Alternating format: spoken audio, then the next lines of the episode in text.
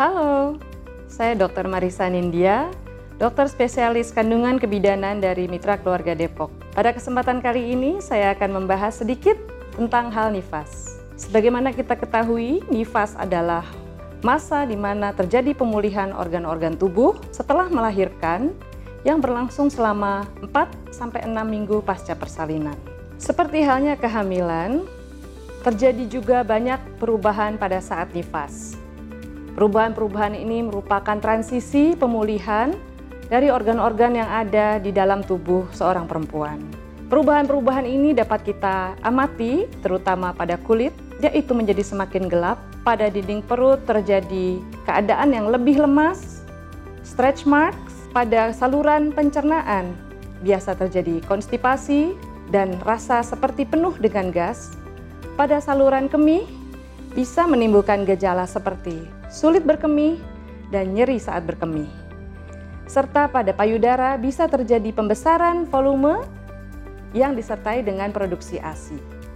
Lalu terjadi perubahan pada organ genital yaitu menghasilkan lendir yang dapat berubah warna dari waktu ke waktu, mulai dari merah, kekuningan hingga akhirnya menjadi lendir bening.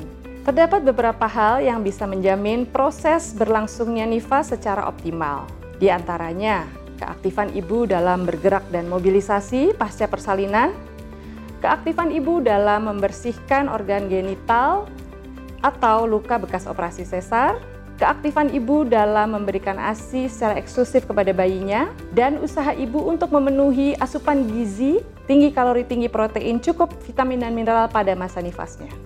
Terdapat beberapa hal yang bisa menjadi tanda-tanda bahaya dalam masa nifas. Di antaranya, pendarahan yang banyak dan terus-menerus dari vagina, darah nifas yang berbau menyengat, demam tinggi, sakit kepala hebat disertai pandangan kabur, terdapat pembengkakan pada beberapa daerah tubuh seperti wajah, leher, lengan, perubahan mood depresif yang terus-menerus, serta adanya keluhan sesak yang tidak membaik setelah perubahan posisi. Proses nifas adalah proses yang berlangsung tidak dalam sekejap mata.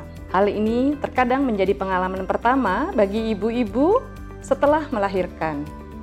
Proses ini amat vital, sangat penting dalam kehidupan seumur hidup seorang perempuan.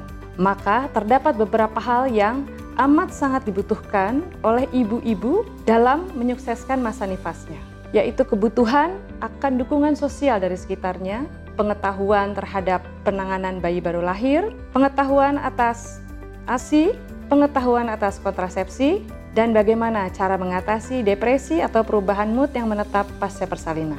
Sekian sesi pembahasan kesehatan tentang nifas kali ini. Apabila Anda memerlukan informasi lebih lanjut, silakan hubungi mitra keluarga. Sampai jumpa di sesi pembahasan kesehatan lainnya. Mitra keluarga, life, love, laughter.